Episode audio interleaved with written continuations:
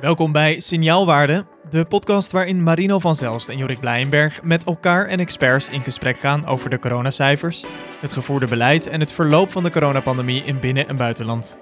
Mijn naam is Maarten van Woerkom en dit is aflevering 26 van Signaalwaarde.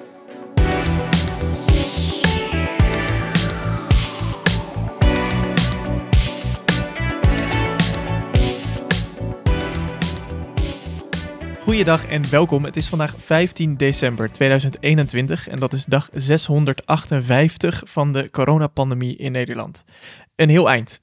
En ik trap meteen af, Jorik Marino, um, met het numerieke kenmerk van de week, want die heb ik dit keer. En dat is het nummer 15, als jullie dat goed vinden. Zeker. Wij vinden het helemaal, uh, helemaal prima, maar waarom dan? Uh... 15, 15 december, dat is vandaag. En 365 dagen geleden ging Nederland in de hardste lockdown uh, tot dan toe. Uh, dat was een dag na de torentjes persconferentie van Mark Rutte.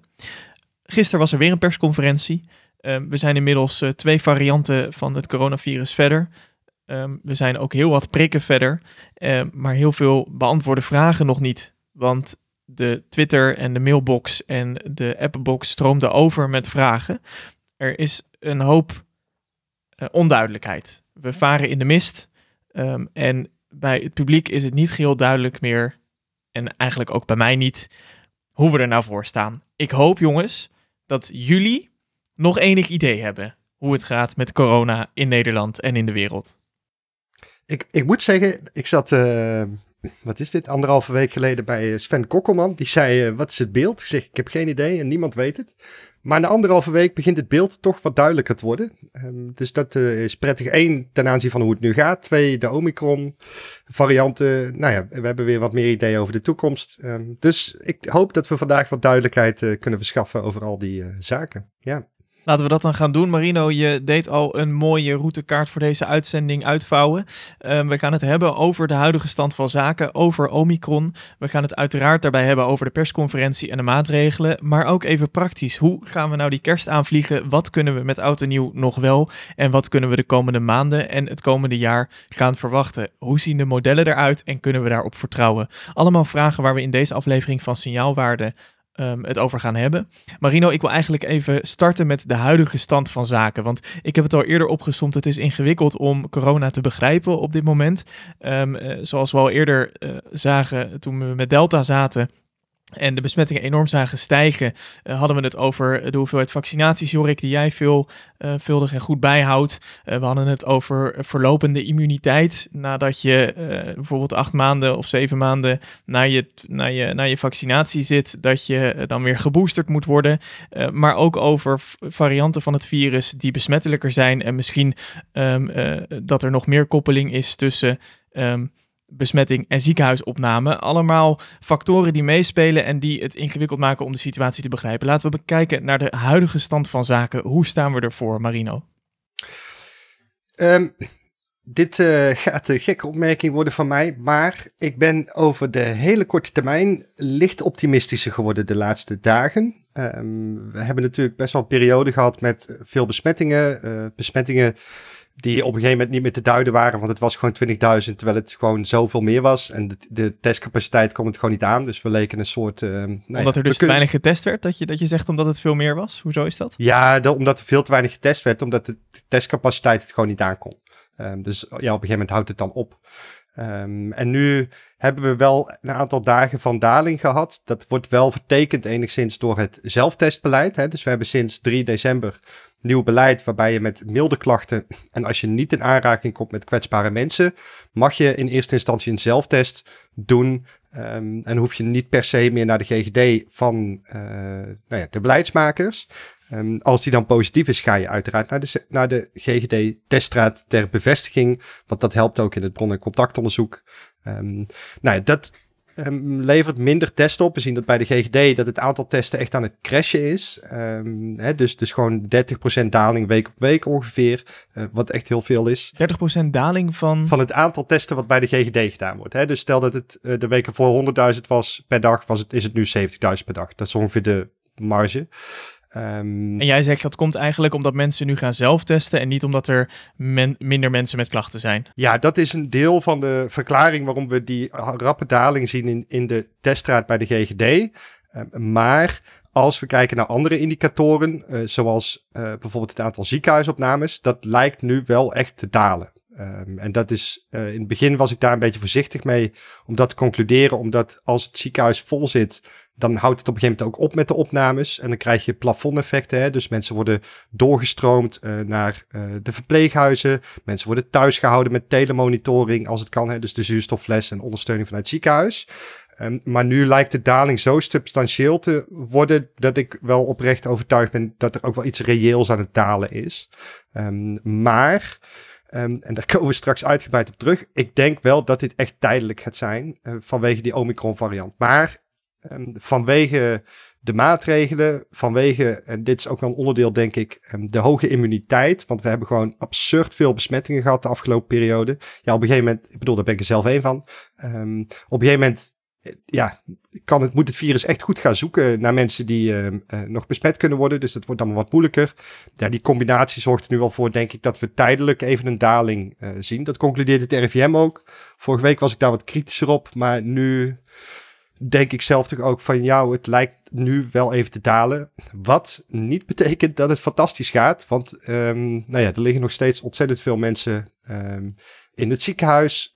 Op dit moment vandaag, want we krijgen nu natuurlijk net de update binnen, liggen er nog 2000 mensen in de kliniek um, en nog steeds 626 op de IC.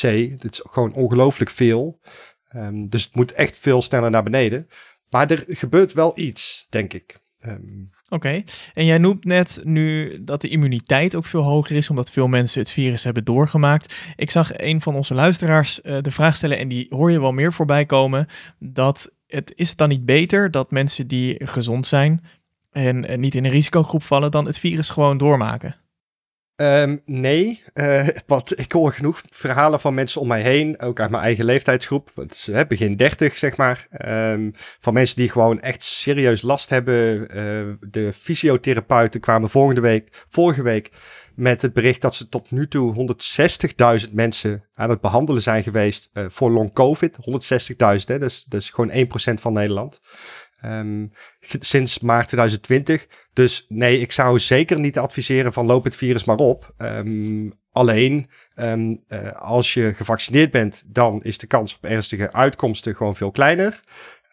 Ja, alleen met deze virusdruk zijn mensen gewoon wel nat en dus ontstaan er infecties. Again, daar kan ik zelf over meepraten. En die infecties zorgen er wel voor dat je bescherming uh, omhoog gaat tegen nieuwe besmettingen. Maar ja, dan ben je dus een besmetting aan het krijgen, zodat je op, niet opnieuw een besmetting kunt krijgen. Dat is natuurlijk een beetje raar.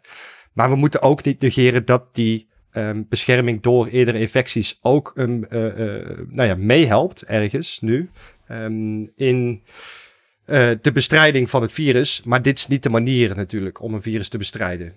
Want dan zou je het virus laten gaan, zodat je het daarna kunt bestrijden. Het is een vreemde tactiek.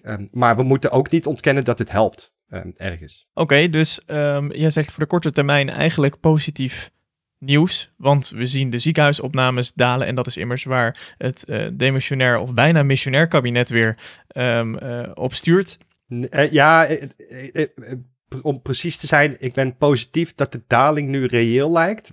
Wat ik liever zou willen natuurlijk, is dat de daling sneller gaat. Hè? Sneller is beter. Maar eerst was ik er nog niet 100% van overtuigd dat de daling zeg maar daadwerkelijk zo is. Nu denk ik, nou, het kan wel. Het lijkt echt een daling te zijn, maar natuurlijk wil ik dat die sneller gaat. Dat lijkt me voor zich spreken. Ja, Jorik, um, die daling is dus wel ingezet. Uh, voor Marino gaat hij nog niet snel genoeg. En uh, voor het herstel van uh, Nederland in de coronapandemie dus ook niet. mag ik daar denk ik uit concluderen.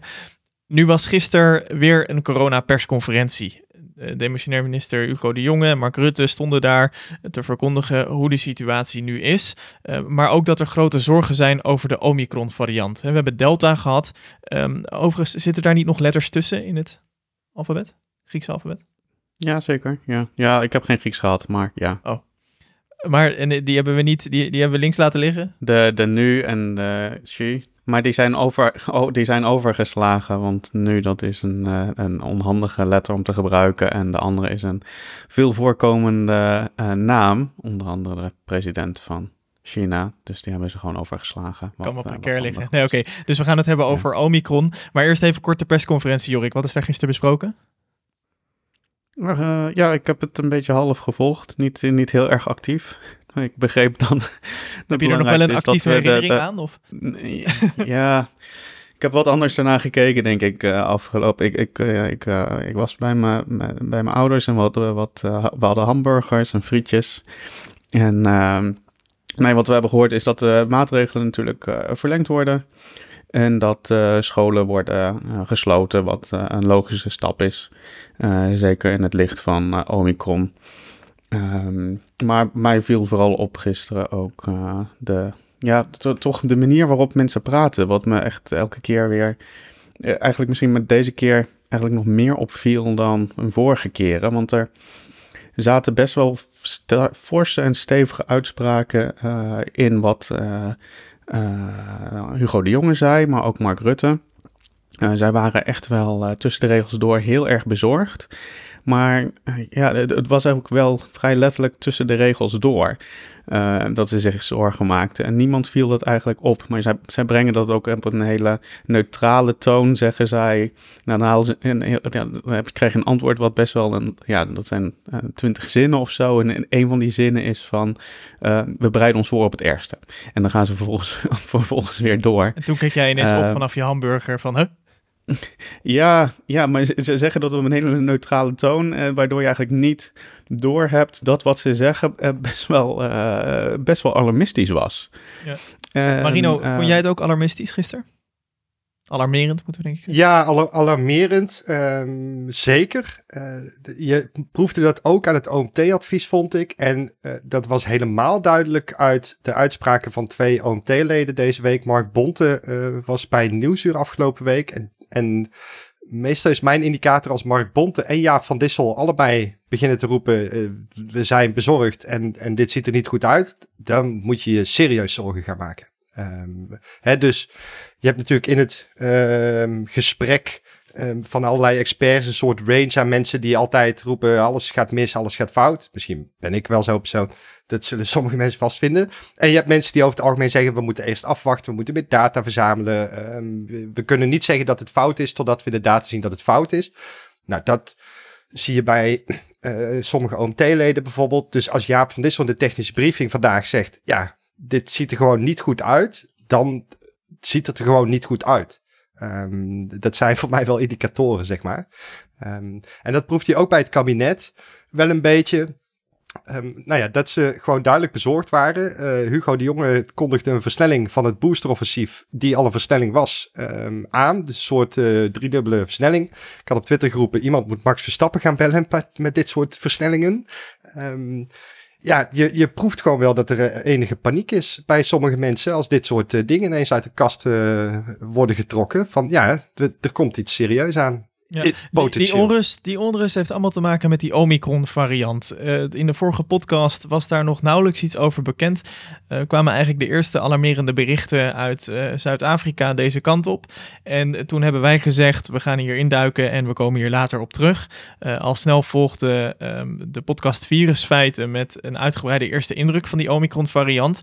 inmiddels is er meer data, is de data die besproken is in Virusfeiten gedeeltelijk um, alweer achterhaald, wat ik begreep Jorik, die Omicron-variant. Um, ik denk dat we daar eerst een grote disclaimer voor moeten plaatsen. Dat alle informatie die we nu bespreken um, sowieso op basis is van um, weinig uh, uh, gevalideerde kennis die er nu is. Dus dat zijn de eerste studies, Marino, die jullie hebben bekeken. Klopt dat? En op, dus dat ook dat het moment dat we dit zeg maar publiceren, ook dat best wel weer achterhaald kan zijn. Het zou kunnen dat dingen die we vandaag roepen, uh, en ik weet niet hoe lang jij over het editen doet, maar over drie dagen kunnen dingen alweer outdated zijn. Het gaat zo absurd snel met die kennis, wat, wat echt fenomenaal is om te zien. Hè? Dus als, als wetenschapper is dit werkelijk een fascinerende tijd. Je wil het niet, zo'n nieuwe variant, maar het is wel echt fenomenaal om te zien hoe absurd snel de kennisproductie gaat. Maar dat betekent dat dingen die vandaag Ehm, kun je daar een heel klein, heel klein stukje over uh, toelichten, Marino? Hoe gaat dat dan? Heb je, hebben jullie een, een WhatsApp-groep? Of uh, hoe moet ik dat voor me zien? Ja, nee, er zijn dus WhatsApp-groepen, Slack-groepen, nou, van alles en nog wat. Gewoon Twitter, want heel veel wetenschappers delen natuurlijk gewoon heel veel informatie op Twitter. Um, we hebben de preprint servers, hè, dus als je een wetenschappelijk onderzoek doet, dan schrijf je het op en dan dien je het in bij een tijdschrift. En dan wordt het uh, gecontroleerd door uh, collega's die niks met het onderzoek te maken hebben om te valideren van nou, is de kwaliteit hoog genoeg? Um, zijn de analyses goed uitgevoerd? Dat soort dingen. Preprint servers uh, zeg maar, zijn een plek waar je onderzoek post voordat het uh, gepeer-reviewed is. Um, en dat betekent dus dat je daar altijd de disclaimer bij hebt. Ja, is nog niet nagekeken door collega's. Um, maar het zorgt wel voor dat die kennis dus heel snel verspreid. Nou, vandaag, en dit is echt, ik kid you not, drie kwartier voordat we begonnen met opnemen, kwam er een studie naar buiten die als eerste een verklaring heeft voor uh, de snelle verspreiding. Maar dat is een study by press release. Dus daar staat letterlijk van, ja, onderzoekers hebben dit onderzocht, dit is de conclusies. Maar zelfs de studie staat nog niet eens online. Um, terwijl nu, je ziet heel virologisch Twitter, binnen een uur lang die studie delen. Wat betekent dit? Interpretatie. Het is echt fascinerend om te zien. Maar daardoor gaat het dus heel snel en is alles voorbarig. Dat gaat heel snel, alles is voorbarig. Dus met die kanttekening wil ik toch even in Omicron gaan duiken. Laten we bij het begin beginnen. Er kwamen um, berichten uit Zuid-Afrika. Er is daar een besmettelijke variant opgedoken uit de sequencing die ze daar gedaan hebben. Dus het uitzoeken van nou, welke variant corona zijn mensen hiermee besmet. Um, kwam deze Omicron variant, die is toen door de World Health Organization als een variant of concern aangeduid, net als dat Delta dat was. En vervolgens is daar onderzoek over gekomen. Er komen berichten over dat de variant besmettelijker zal zijn. Um, dus misschien wel uh, om de vaccinaties heen uh, kan uh, gaan. En over um, het vermogen om mensen ziek te maken is ook nog veel onduidelijk. Wat is de stand van zaken? Waar, ja, jemig, waar moeten we beginnen? Um, laten, we het, begin. laten we het hebben over de, de drie dingen. Wat de, wat de WHO, misschien is dat een goed haakje. De WHO klassificeert variants of concern op basis van drie eigenschappen die we problematisch vinden. Dat zijn de besmettelijkheid, hè, dus, dus de uh, inherente besmettelijkheid van zo'n virus. Bijvoorbeeld Delta was ongeveer 2,5, drie keer zo besmettelijk als de originele strain. En dat meten we aan de R0. Um, en die was dus bij de originele 2,5 ongeveer. En bij Delta zit die meer richting de uh, 6, 7. Dat is één. Um, dan heb je wat we noemen in, in slecht Nederlands immune evasion. Dus in welke mate is um, het virus in staat om de immuniteit die we hebben vanwege vaccinatie of eerdere besmetting, om daar weer omheen te komen en je opnieuw te infecteren. Dat is stukje 2 waar de WHO naar kijkt. 3 is virulentie. En dat is dus, hè, is deze variant ziekmakender um, dan uh, andere varianten.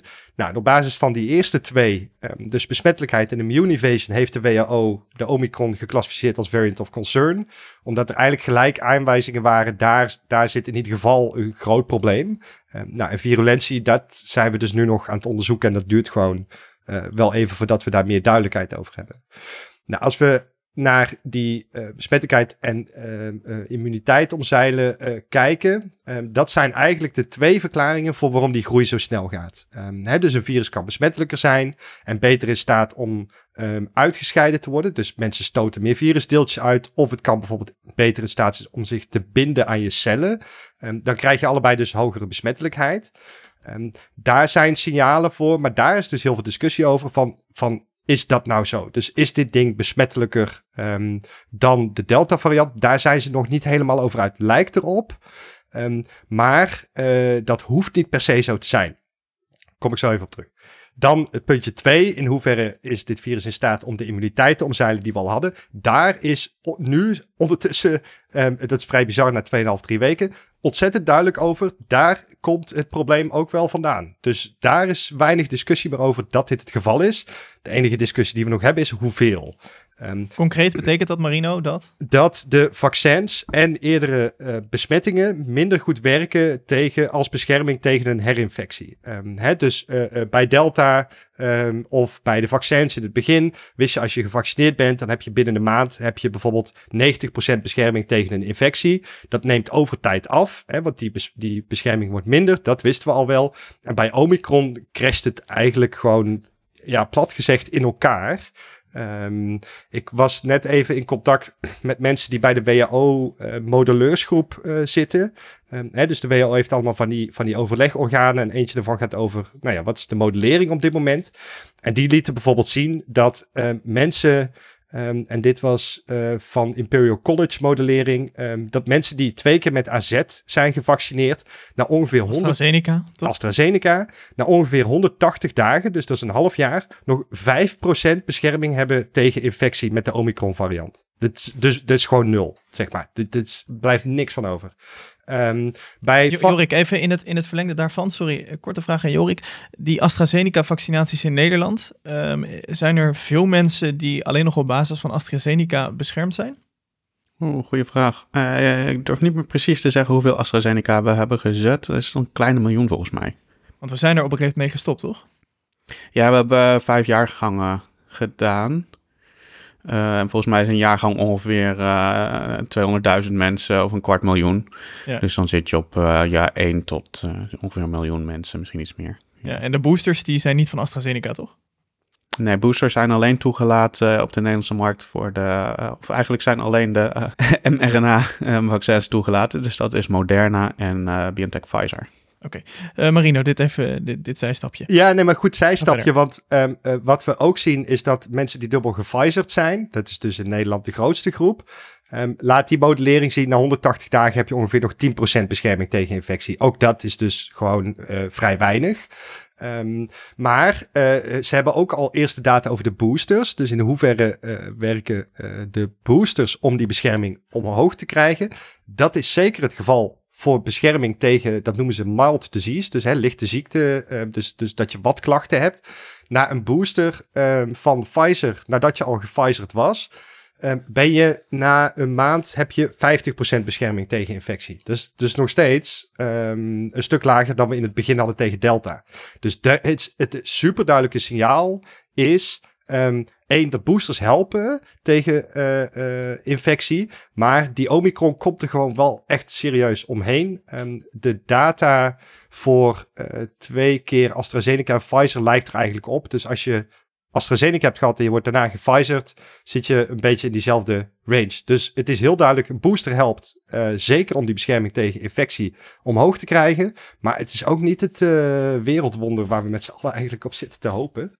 Nou noemde jij wel iets belangrijks in een bijzin waar ik nog even op wil inzoomen. Jij zei tegen mild disease. We hebben het eerder telkens gehad tegen ernstige ziekte en ziekenhuisopname. Is daar al data over bekend? Ja, daar is ook al data over bekend. Althans, eerste modelleringen van uh, uh, nou ja, clubs die bij de WHO modeling groups uh, zijn aangesloten. Um, en wat we daar zien is dat na de booster en ik moet even snel goed in mijn tabelletje hier kijken. Um, lijkt het erop dat de uh, bescherming zonder booster tegen Omicron ongeveer in elkaar zakt tot uh, eh, 40%. Maar dit is hele vroege data. Um, er zijn gewoon weinig ziekenhuisopnames. Dus de intervallen, hè, dus de betrouwbaarheid van die schatting is ook echt niet groot. Um, dus hier... er zijn dus weinig, eh, er zijn er weinig en dat komt vooral omdat de mensen die echt zwaar ziek zouden worden, hiervan, uh, die moeten nog eigenlijk geïnfecteerd worden. Of de mensen die al geïnfecteerd zijn, daar zit nog gewoon te korte tijd tussen voordat ze echt ziek, heel ziek gaan worden. Uh, dus hier hebben we gewoon meer tijd voor nodig. Dan hebben jullie het over ziekenhuisopnames met, van mensen die besmet zijn met Omicron. Dan heb ik het inderdaad over, uh, dit noemen we de efficacy against severe disease. Dus ernstige uitkomsten. Dat betekent niet per se alleen maar ziekenhuisopnames. Het kan ook zijn dat je, hè, randje ziekenhuisopname, maar wel zeg maar een ziektelast die je echt niet wil als individu. Nou, daar zien we um, dat uh, die bescherming zonder boosters tegen Omicron, die zakt ook wel echt serieus naar de eerste schattingen. Veel onzekerheid, 40%. Maar Um, met de boosters erbij uh, zien we in de eerste modelleringen dat het gewoon omhoog vliegt weer tot uh, uh, richting de 90 en 85 procent. Dat is dus bijna het oude niveau weer. Hè? Dus ehm, in, bij de eerste. Maar dat is wel belangrijk om te realiseren. Bijna het oude niveau is niet het oude niveau. en een paar procent verschil in, in effectiviteit betekent wel. Honderden, zo niet duizenden extra ziekenhuisopnames van mensen die niet beschermd zijn als ze toch het, uh, die infectie zouden oplopen. Een paar procent verschil heeft echt significant impact op, uh, op, uh, op de volgende golf. Ja, en dat is dus iets wat we denken dat belangrijk is om te melden. Voor een individu is 90% of 88%, daar, dat is niet zoveel verschil. Dus die 2% maakt niets veel uit. Maar wat Jorik terecht opmerkt, op een populatie van miljoenen mensen is 2 of 4% heel veel. Want dat is inderdaad duizenden ziekenhuisopnames. Dus dat is een beetje het bezorgde signaal dat die boosters helpen ontzettend. Dus meer boosters is meer beter. En hoeveel we er gaan zetten en gaan we het halen, daar kan onze vaccincijferkoning Jorik zometeen heel veel over vertellen, vermoed ik. Maar die, booster, die boosters zijn op de korte termijn echt super cruciaal. Want we zien gewoon in die data dat de bescherming tegen ernstige uitkomsten um, echt wel serieus daalt. Um, met alleen de primaire vaccinatie. dus degene die we in het voorjaar en de zomer gehad hebben. Um, maar dat met de booster erbij het percentage ook tegen ernstige uitkomsten wel echt serieus weer omhoog schiet. Dus die boosters zijn echt ontzettend belangrijk om dat zo snel mogelijk uh, te organiseren. Ja. En uh, gaat dat snel genoeg?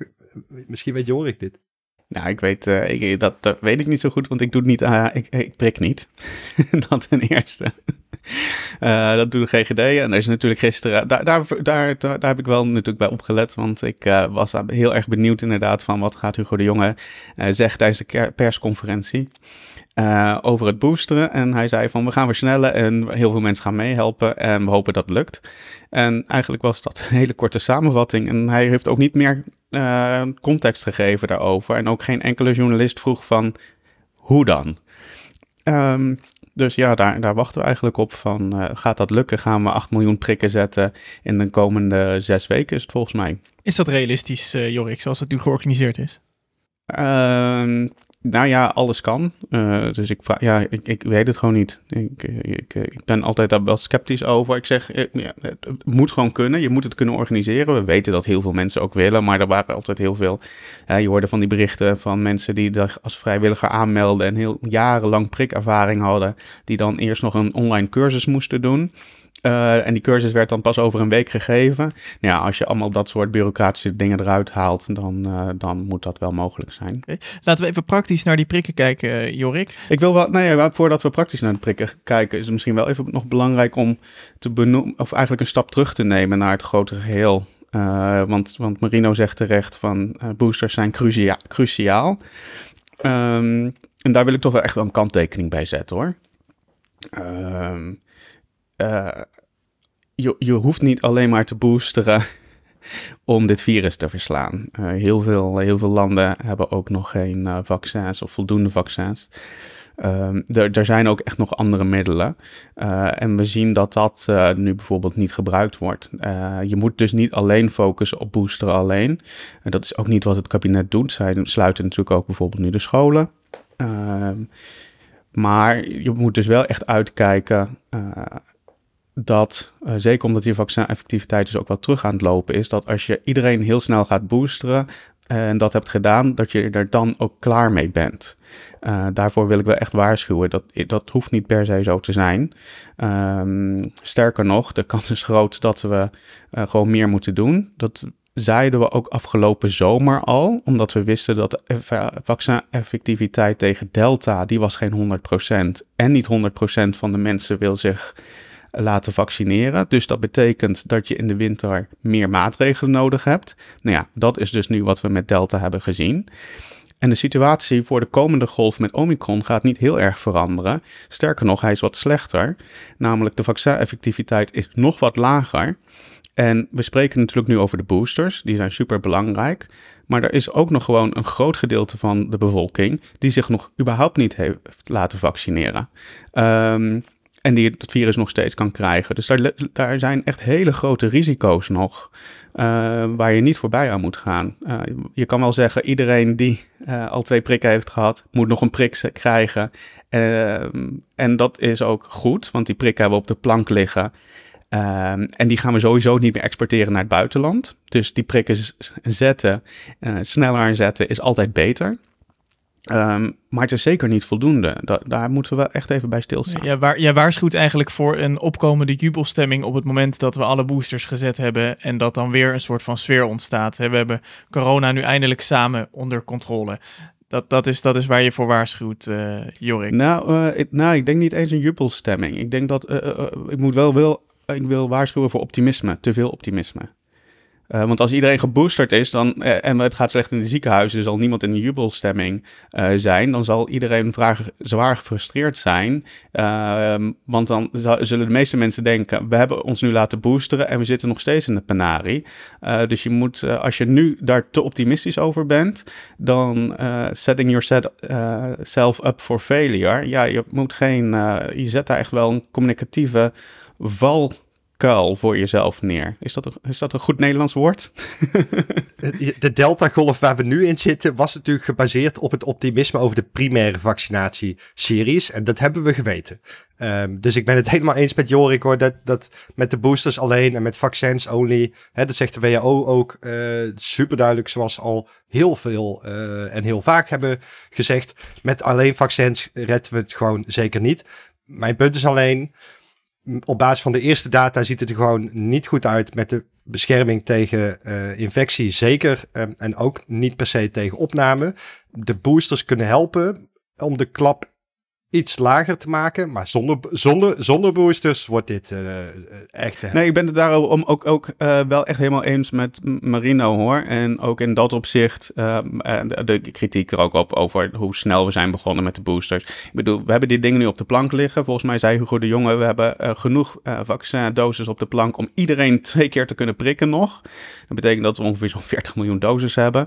Ja, het is nu gewoon wel zaak om die zo snel mogelijk dan ook bij iedereen een arm te krijgen. Oké, zo snel mogelijk bij iedereen in de arm. Mensen hebben daar ook wel vragen over. Want zo stuurde uh, een van onze luisteraars ons: wanneer mag je de booster nou uh, krijgen als je ook corona hebt gehad na je twee prikken? Ja, dat heb ik uitgezocht, want ik hoor dus in die categorie uh, van mensen die gevaccineerd zijn, daarna een infectie hebben gekregen. Um, en dat is ook drie maanden. Dus gisteren kondigde uh, Hugo de Jonge aan um, dat we het interval uh, van de booster, dat stond bij ons eerst op zes maanden. Hè, dus zes maanden na je laatste vaccinatie mocht je pas een booster. Um, dat gaan we verkorten in lijn met heel veel Europese landen. en dat wordt teruggezet naar drie maanden. Dus als je bijvoorbeeld in op, ik noem maar even wat, uh, eh, 1 september je laatste vaccin hebt gehad. Daar ben je er laat bij, maar het kan. Um, dan kun je dus nu al op 1 uh, eh, december je booster krijgen. Nou, dat is al gebeurd. Dus eigenlijk um, hebben ze nu het interval zo verkort dat iedereen die vandaag een afspraak maakt en naar de GGD uh, eh, straat loopt, die kan basically geboosterd worden. En voor mij zou dat dus gelden, want ik heb het even uh, teruggezocht, um, dat ik op volgens mij ergens begin februari zou ik dan mijn booster kunnen krijgen. maar ja, ik ben dus in theorie nu al een beetje geboosterd, want ik heb een besmetting gehad en dat zal wel weer helpen in het verhogen van de bescherming. Hopelijk. Als je nou geen besmetting hebt gehad en je krijgt wel zo'n booster boosterprik. Hoe lang duurt het dan voordat je die extra bescherming tegen Omicron aan boord hebt? We moeten een beetje ervan uitgaan dat het twee weken duurt voordat je het volle effect te pakken hebt. Het is dus eigenlijk net zoals maar bij. Het begint al op een week. Ja, dus uh, net zoals bij het tweede vaccin eigenlijk van de originele uh, vaccinatieserie. je, het begint natuurlijk gelijk op te lopen, maar voordat je de volle map te pakken hebt, moet je eigenlijk ervan uitgaan dat je twee weken nodig hebt. Dus wat Jorik zegt klopt, na de eerste week zien we al wel wat. Maar de volledige bescherming die de booster kan bieden, uh, ontstaat eigenlijk na nou ja, 10, 14 dagen ongeveer. Dus als je vandaag je booster hebt uh, gehad, gaat er dan niet van uit dat het volledige effect van de booster over drie dagen al gerealiseerd is. Nee, wacht even. Maar, uh, oh nee, ook niet. Nee, ik wou zeggen wel voor kerst, maar kerst is al binnen twee weken. kerst komt kerst al snel, snel aan. Daar gaan we het zo meteen over hebben. Jullie schetsten eerst het beeld dat de piek die we door Delta hadden nu dalende lijkt is um, nog steeds met hoge besmettingsaantallen en hoge hoeveelheid ziekenhuisopnames. Um, we stevenen nu af op een Omicron-piek, vrees ik, als ik jullie zo goed begrijp. Hebben jullie dat ook uh, in de modellen gezien? Dat we een forse golf gaan krijgen door Omicron. Boosteren is daar een goed wapen tegen, maar um, zal niet de gouden graal zijn. En nu uh, komen de feestdagen er ook nog aan. Maar eerst even naar die uitgangspositie die ik net schetste. Want in hoeverre beïnvloedt nou die slechte uitgangspositie, eh, nog die hoge hoeveelheid besmettingen per dag en die hoge hoeveelheid ziekenhuisopnames op dit moment, um, die golf die gaat komen van Omicron? En hoe is dat in vergelijking met Duitsland, het Verenigd Koninkrijk, Noorwegen, Denemarken? Dit vroeg een van onze luisteraars ook. Ja, kijk, um, wat problematisch is voor Nederland, is dat onze zorg al extreem onder druk staat. Hè? Dus het is in de ziekenhuizen nog steeds zeer kritiek. Ook in de hele keten daarvoor. De spoedeisende hulp. Uh, de, zie de aflevering met David. Um, huisartsen, verpleeghuizen, noem het allemaal op. Dus de situatie is nu super kritiek. Um, en dus kun je gewoon niks hebben. Um, dus als die Omicron uh, echt uh, snel gaat, ja, we zitten al best wel op hoge hoogte qua druk. En dat is het grote probleem. Dus ik zei tegen mensen met wie ik wat discussies had van ja, maar misschien valt die Omicron wel mee. Ja, als wij 300 besmettingen op een dag hadden en 15 ziekenhuisopnames, dan zou ik ook wat rustiger zijn. Van ja, weet je, ik bedoel, ik ben niet zo van te afwachten, maar dan kun je wat hebben um, als je uh, wilt gokken. Ja, we kunnen nu niks hebben. Um, en dat is wel echt een probleem. Um, wat daarbij wetenschappelijk gezien interessant is, is dat wij dus een enorme infectiegolf hebben gehad in de afgelopen weken. En de vraag is in hoeverre ons dat gaat helpen um, tegen die Omicron-golf. Denk niet dat het um, uh, ook weer de heilige graal gaat zijn, maar misschien heel uh, contra-intuïtief gaat dat ergens nog wel een beetje helpen, omdat al die infecties zo recent zijn. Maar daar moeten we ook allemaal niet um, op gokken. Dus de situatie is gewoon wel belabberd in vergelijking met bijvoorbeeld landen als Denemarken um, en Noorwegen. Omdat het bij ons, die golf, we komen net uit een golf van de Delta-variant. Die is nog niet eens weg. Um, want we zitten nu een beetje op de piek van de ziekenhuisbezetting van de Delta-golf. En Omicron staat al op de deur te rammen. Um, en, en nou ja, de Omicron-kerstkalkoen uh, zou ik het willen noemen. Dus dat is geen wenselijke situatie, dit. En dat is voor mij het grote probleem. Het lijkt erop dat die Omicron. De eerste signalen wat, van alles wat we tot nu toe zien, zijn niet positief. Maar we hebben ook geen ruimte meer voor uh, verkeerd gokken en dat soort dingen. en die combinatie is waarom je ook het kabinet, ook het OMT, uh, nou ja, de zorgen schetst. Van ja, er is gewoon geen ruimte voor nog een golf. En, dat zei Diederik Gommers vanochtend bij uh, Sven Kokkerman ook. Van ja, we hebben ademruimte nodig om te bekomen. En op deze manier krijgen wij geen ademruimte. Nee. Um, ik denk dat dat treffend uh, samenvatting is. Jorik, we zagen bij Delta op een gegeven moment dat de originele Alpha-variant uh, uit het zicht verdween en dat Delta alle besmettingen overnam, zeg maar. Um, hoe zien we dat bij Omicron? Wanneer kunnen we verwachten dat het grootste gedeelte van de besmettingen in Nederland uh, door de Omicron-variant is? Ja, dat is een uh, lastige vraag om te beantwoorden, omdat onze uh, sequencing hier, het zicht op het virus, is niet optimaal. Um, wat we natuurlijk zien in Denemarken en de UK, daar sequencen ze ontzettend veel. Dus op het moment dat daar Omicron binnenkomt, dan zie je dat ook heel mooi terug in hun data. En daar zie je de stijging dus ook heel duidelijk. Um, hier is dat wat minder. Jaap van Dissel die zei ook in de, in de Tweede Kamer vanochtend uh, dat het hier relatief goed is. Um, alleen dat we op dit moment gewoon weinig samples hebben. Uh, dus wat er precies gaat gebeuren is een beetje onduidelijk. Want we hebben te maken nu eigenlijk dus met, met Delta en met Omicron. En Delta heeft een bepaalde R-waarde en Omicron ook. En wat we weten is dat Delta, daar lijkt nu echt wel de R uh, echt wel onder de 1 te liggen. Dus die gaat dalen. Maar we weten nu op dit moment niet wat de R-waarde, uh, hoe snel Omicron zich vermenigvuldigt in Nederland. Dat is dus heel onduidelijk. Um, en daardoor weet je ook niet precies wanneer uh, die variant het hier gaat overnemen. Het RIVM denkt dat dat net iets na oud en nieuw zal zijn. En dat heeft er dus ook mee te maken wat, wat Marino net zei, van er zijn al heel wat mensen zijn immuun, dus daar kan, uh, of die zijn besmet geraakt in de afgelopen tijd, dus daar kan Omicron misschien wel een beetje tegenaan lopen. Uh, en wat we hier ook in Nederland hebben, in tegenstelling tot uh, de UK en Denemarken, is een pakket maatregelen dat echt wel wat zwaarder was dan dat ze daar hadden. Dus dat betekent ook dat de groei die we in die landen zagen waarschijnlijk ook wat hoger is dan dat die bij hier is. Um, ik durf wel te stellen dat de R van Omicron in Nederland boven de 1 ligt. Maar waar die precies ligt, dat is gewoon ontzettend lastig om nu te, te zeggen. Uh, maar ja, het lijkt me realistisch om te zeggen uh, dat hij dominant is rond, uh, rond de jaarwisseling. Ik denk dat Marino wel durft te stellen dat het misschien nu al dominant is. Ja, ik, weet je, ik hoorde dat argument ook van hè, wij hebben hier best wel wat maatregelen en we hebben best wel veel besmettingen gehad. en daardoor groeit het hier misschien minder snel. Ja, in Engeland zitten ze gewoon constant te golven op een hoog, hoger niveau. Um, en uh, daar verdubbelt het ook gewoon per twee, drie dagen. Dat zie je eigenlijk, er is gewoon geen enkel land wat daaraan ontkomt. Dus Engeland, Noorwegen, Denemarken, Zuid-Afrika, allemaal verdubbelingen per twee, drie dagen. Ja, Nederland is dan echt niet uniek genoeg, uh, omdat wij maatregelen hebben, dat dat ineens de gigantische rem uh. Tenminste, ik ben daar niet 100% van overtuigd. Nou, we hebben in de kiemsurveillance um, drie omicrons gevonden in week 47. En dus kiemsurveillance is echt een random, willekeurige steekproef uit alle positieve testen. Dus dat geeft de beste indicator.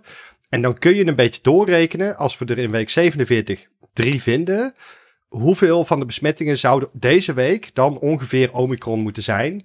Um, en op basis van zo'n rekensommetje, um, wat ik in de show notes uh, wel toe kan voegen, een draadje van Henk-Jan Westening, die heeft dat op Twitter een keer mooi uitgerekend.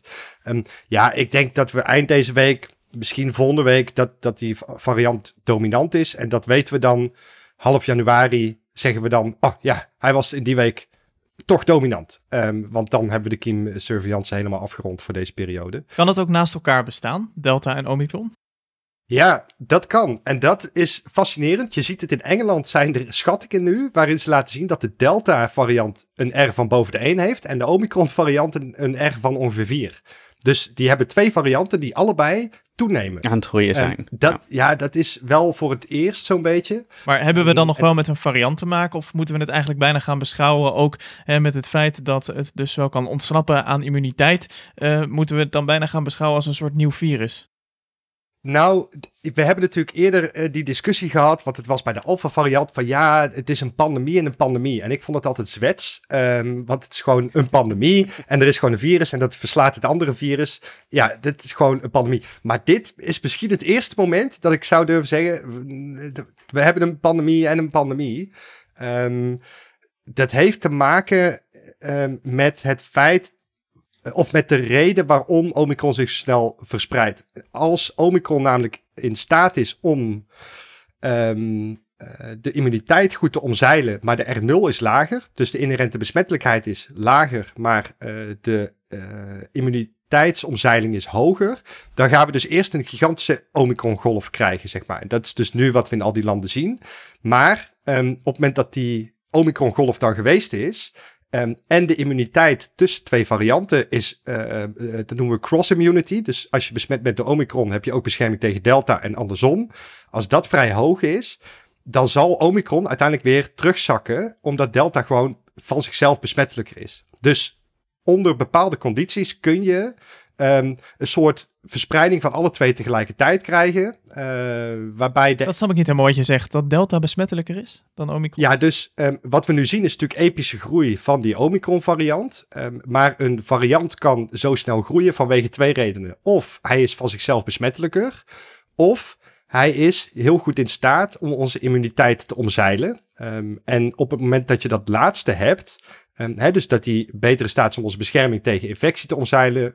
Um, dan kan hij zich alsnog snel verspreiden. Zonder dat hij van zichzelf besmettelijker hoeft te zijn. Dus het kan goed zijn dat de R0 van Delta um, 6 is. En de R0 van Omicron 4. Maar omdat de, uh, uh, het niveau waarin ze de immuniteit tegen Delta en die vaccins kunnen omzeilen van Omicron zo absurd hoog is, kan Omicron er nu tijdelijk doorheen beuken. Omdat er meer mensen vatbaar voor zijn eigenlijk. Om, omdat, omdat de groep mensen die um, immuun uh, zou moeten zijn tegen Delta zo groot is bij ons. We hebben heel veel gevaccineerd, heel veel mensen zijn besmet. Maar ja, als die variant dan beter om onze immuniteit heen kan, tijdelijk, ja, dan komt hij er alsnog overheen zetten. Maar op het moment dat een Omicron-besmetting goede bescherming geeft tegen Omicron en tegen Delta en andersom. Dus je hebt een soort, hè, de immuniteit van varianten uh, uh, versterkt elkaar als die R0 van Omicron dan lager is, zou Omicron het over drie maanden weer kunnen gaan verliezen van Delta. En dan krijg je een soort nou ja, slalommen en een soort wedstrijd tussen Delta en Omicron. En afhankelijk van hoe die varianten allebei precies in elkaar steken, gaan we zien wat er gaat gebeuren. Maar het kan goed zijn dat we nu een Omicron-golf krijgen. En dan wordt uh, Delta gaat Omicron weer verslaan over een paar maanden. En dan is Omicron weer teruggedrongen. Of ze bestaan tegelijkertijd in een bepaalde mate. dat is dus het fascinerende op dit moment. Wordt bijna een soort Griekse mythe zo. Um, ik wil even weg bij um, de uh, ja, wat, wat macro-beschouwing. Um, en ik wil even naar de kalkoen toe. Want we zitten uh, een kleine twee weken voor kerst. En dat is ja, van oudsher een, een, een feestdag dat iedereen bij elkaar wil komen. En voor viruscirculatie uh, heb ik in de afgelopen twee jaar geleerd, is met z'n allen bij elkaar komen niet zo handig. Dus jongens, hoe kunnen we nou met uh, de alarmerende berichten over Omicron, um, de situatie nu met Delta, alsnog op een veilige manier deze feestdagen beleven? Niet naar op bezoek gaan, dat is het meest veilig. Dat is het meest veilig. en nu eentje die ook een soort nog... lijstje hebben van wat we het beste, wat het meest verstandig is en meest... En dan, en dan naar... Ik en dan begrijp, Jorik, dat we ik beter in mijn gewoon ebola-pak in de kelder kan gaan zitten. Dan is de kans dat ik zeg maar zelf niet besmet raak of mensen niet besmet heb best wel heel groot. eh, en is dat de meest veilige optie. Maar ik ben op zoek naar een werkbare situatie dat we toch de feestdagen kunnen vieren op een zo veilig mogelijke manier. Ik denk ook dat het goed is om wel even te vermelden, hè, wat, wat, ehm, we zijn best wel bezorgd over die Omicron variant, maar een virus bestrijden is niet veranderd. Dus de hele game is niet veranderd en wat mensen eh, moeten doen is gewoon niet anders geworden. Dus in die zin hoef je daar ook geen paniek over te hebben, eh, denk ik, want de game is gewoon niet veranderd. Virusbestrijding is nog steeds hetzelfde.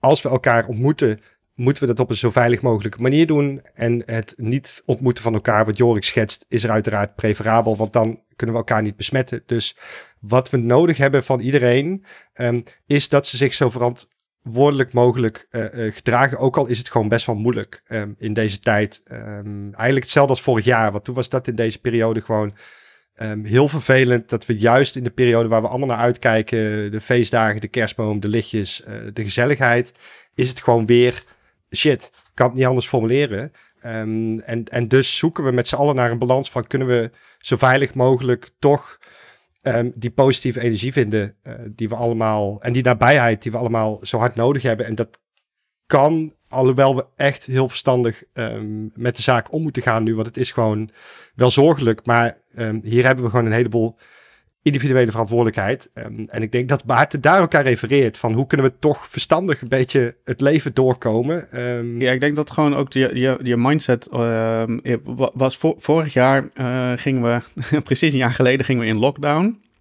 En voor de kerst hebben we toen nog, eh, was toen een twee bezoekersregeling uit mijn hoofd. Eh, of drie, Twee bezoekers en voor kerst werd die verruimd tot drie. juist. Eh, en nu zitten we op vier en blijven we op vier. Dus dat was eigenlijk al opvallend. Want eh, twee afleveringen geleden in onze voorspelling dachten we... misschien komt er nog wel een soort van kerstcadeautje. Ik heb trouwens afleveringen teruggeluisterd. En in aflevering 5, 16 heb ik geroepen. Wat wij komend jaar met kerst niet opnieuw gaan doen. Is een twee of drie bezoeksregeling. Dat gaat echt niet meer terugkomen. Technisch gezien is dit juist. Want we mogen vier bezoekers hebben. Maar ik dacht, ik wil toch even melden. Holy crap, zelfs dat had ik niet goed ingeschat. Dit is echt bizar. Ehm, daarop doorgaand eh, is het zo dat het OMT vrijdag weer bij elkaar komt. Ehm, en tussen neus, en lippen door zei Hugo de Jonge... eh, we kunnen ook niet wachten tot we achter de komma exact weten wat Omicron met ons gaat doen. We zullen ons wat dat betreft echt op noodscenario's moeten voorbereiden. En ook dat is in gang. Ehm, het kan zijn dat eh, het OMT komende vrijdag bij elkaar komt, eh, komt tot de conclusie komt, het wordt eh, echt heel erg. En dat we op maandag of dinsdag een persconferentie hebben waarin wordt gezegd, kerst, ehm, zet er maar een streep doorheen. Ehm, waarom? Even uitzoomen. Ook weer over naar vorig jaar. Vorig jaar hadden we natuurlijk eh, lockdown omdat niemand beschermd was. Hè? De vaccins waren net aangekondigd. Pfizer was vol trots. Eh, en tijdens kerst gingen de eerste landen eh, beginnen met vaccineren, met echte kwetsbaarsten. En wij gingen toen nog heel zorgvuldig niet vaccineren. Op dit moment is het zo dat iedereen die nu kerst gaat vieren eh, en geen booster heeft gehad, moet zich eigenlijk weer in dezelfde situatie verplaatsen als vorig jaar. Namelijk dat je eigenlijk gewoon niet beschermd bent eh, tegen, het, eh, tegen Omicron, tegen het nieuwe virus. Ehm, en dat is echt een andere mindset. Ehm, dus eerst dachten we, hè, we, we gaan allemaal vaccineren en dan zijn we beschermd en kunnen we weer kerst vieren. Ja, die realiteit is nu, we leven nu in een andere realiteit. En daarom ben ik ook wel zo uh, wat pessimistischer over de verstandige adviezen. Want ja, het is verstandig om je te laten testen voordat je uh, uh, met z'n allen bij elkaar komt. En ja, het is verstandig om met een kleine groep dat te doen. En ja, het is ook verstandig om in isolatie te gaan daarvoor. Maar het is wel echt, het, we zitten op een gevaarlijke situatie. Maar laat ik, laat ik dit even wat concreter maken, want ik denk dat het wel goed is als we dit doen. Um, kun je veilig naar dat kerstdiner op het moment dat je zelf een sneltest doet? Wat altijd geldt, is het stapelen van interventies. En dat geldt ook gewoon stomweg bij persoonlijk bezoek. Dus een aantal dingen die uh, nu verstandig zijn als je contact hebt met andere mensen, is de regel buiten is beter, geldt nu ook. Nou is het verschrikkelijk koud. Dus Heel koud. Ik kan me voorstellen dat niet iedereen de winterbarbecue uh, um, aanzet met de, de, de lampjes. Buiten is beter dan um, binnen. Um, daarnaast is het sowieso verstandig om je te testen voordat je ergens op bezoek gaat. Um, wij hebben hier bijvoorbeeld de regel: als je hier uh, uh, naartoe komt, dan ben je getest. Anders kom je er niet eens in. Een sneltest of een PCR-test? Nee, de PCR-test moet alleen bij klachten. Uh, um, gewoon even sneltestje doen, weet je wel. Dus uh, je kan hem ook hier krijgen, want ik heb, ik heb er uh, genoeg liggen. Um, maar maar dit soort dingen zijn belangrijk. Dus testen van tevoren, zo kort mogelijk van tevoren. En het liefste eigenlijk met een, een gat ertussen. Hè? Dus dat je zegt van ik test me op 21 december bijvoorbeeld. En dan doe ik het op de 24e nog even. Um, of als je op eerste kerstdag op bezoek gaat op de 25e s ochtends. Dus zo kort mogelijk voor het bezoek. Um, even testen. Ventilatie is echt cruciaal. En zelfs de RIVM heeft vandaag een onderzoek gepubliceerd waarin ze zeggen: Goh, dat ventileren is toch wel ontzettend verstandig. Um, het heeft even geduurd, maar we zijn zover. Ventilatie is cruciaal. Niet een kwartiertje een raam een beetje half openzetten, maar kruislinks ventileren. Dus dat betekent een deur aan de ene kant en een raam aan de andere kant, zodat het er doorheen kan waaien. Dat is niet alleen goed voor uh, corona, maar ook voor de stank van je gourmet-stel. Uh, uh, want Nederlanders zijn gourmetters met kerst. Dus ventileren is gewoon echt cruciaal. om, ja, en het is een beetje koud. Het gaat een beetje meer stookkosten opleveren. Maar, maar echt, doe het. Um, dus het is die combinatie van um, afstand houden, zeker tot uh, uh, opa en oma of um, ik weet niet wie dat... Jan Paternotte zei in het debat zojuist tot de gevaccineerde opa en oma of die ongevaccineerde oom van 50 ook afstand houden. Dat vond ik wel een mooie formulering. dus doe dat, zeker. testen, ventileren, Um, en eventueel met mond-neusmaskers, um, als dat kan. Maar ja, je moet ook eten. Lastig eten. Je kunt, moet ook eten, dus dan wordt het allemaal een beetje moeilijk. Maar de crux is alles op elkaar stapelen. Dus niet alleen ventileren, niet alleen testen, maar niet alleen afstand houden, maar de hele handel. Het is echt belangrijk um, om uh, dat te doen. Ik wilde wel even vragen, want Jorik heeft al een jaar lang lopen roepen, kan me niet schelen, maar Jorik eet kalkoen. En er wordt geen afstand gehouden met kerst. Ik ben benieuwd of hij daar nu op terugkomt. Uh, nee. Uh, ten eerste, uh, jij zegt altijd dat ik kalkoen eet. Dat heb ik zelf nooit gezegd, want ja, ik eet geen kalkoen. heel goed, een vreemd, heel goed. Vreemd, vreemd stuk vlees om te eten. Um, daarnaast uh, zit ik in between houses. Dat betekent dat ik al een tijdje bij mijn ouders inwoon. Uh, dus nee, hier, wordt in, uh, hier thuis wordt geen afstand gehouden. Oh, ja, tuurlijk. Ja. Tijdens het kerst, uh, ter, kerstdiner. Want je bent dus, een huishouden, Dat hebben wij heel mooi weten te omzeilen. ja, nou ja, dus weet je, maar daarom is denk ik ook gewoon eerlijk op persoonlijk te zeggen. Want ik ga met kerst gewoon naar mijn ouders toe. Maar wij trekken dus de hele handel uit de kast die ik net beschreef. Testen, afstand, ventilatie, de hele zooi. Um, omdat ik en ik ben natuurlijk net besmet, dus ik heb mijn booster. Um, dus laten we ook niet ontkennen dat we zelf mensen zijn en uh, behoefte hebben aan kerst. Uh, maar vandaar even de, de voorlichting hoe je dat zo veilig mogelijk kunt doen. Um, en als je vragen hebt als luisteraar over hoe je dit wil doen, of je, dan laat het ons gewoon vooral even weten. Ja, als je vragen hebt over, want die krijgen we ook vaak, over vaccinaties, bel dan vooral de vaccinatietwijfellijn of um, bel je eigen huisarts als je vragen hebt over je eigen gezondheidssituatie, want die kunnen wij niet beantwoorden. Um, ik wil jullie ontzettend bedanken, jongens, voor deze uitgebreide uitleg over Omicron, et cetera. Uh, mocht er nou weer een uh, persconferentie komen, of mocht er uh, vrijdag uit het OMT-overleg ontzettend veel nieuwe informatie komen, dan zullen we daar ongetwijfeld een korte signaalwaarde of een volledige aflevering over maken. Dus die hou je als luisteraar te goed. En daarmee wil ik deze aflevering afsluiten. Dit was Signaalwaarde en dat is een podcastproductie van Maarten van Woerkom naar idee van en mede ontwikkeld door Marino van Zelst en Jorik Blijnberg. Je kunt Signaalwaarde volgen in je favoriete podcast-app zoals Spotify, Google Podcast of Apple Podcast. En bij die laatste zouden we je dan willen vragen om een review achter te laten, want zo kunnen andere mensen deze podcast dan weer ontdekken. We willen onze grote dank uitspreken voor iedereen die Signaalwaarde financieel heeft gesteund. Want met jullie bijdrage houden we deze podcast online al veel langer dan dat we bedacht hadden en zorgen we voor een nog beter eindresultaat. Financieel bijdragen aan signaalwaarde kan door vriend van de show te worden. Ga je voor naar vriendvandeshow.nl slash signaalwaarde en meld je daar aan. Je kunt ook bijdragen via een tikkie. Ga je voor naar onze eigen website signaalwaarde.nl en klik op de button bijdragen. Hier kun je ook je vragen kwijt voor de uitzending of je feedback insturen, want daar staan we altijd voor open. Dit was het voor deze keer. Bedankt voor het luisteren en tot de volgende aflevering.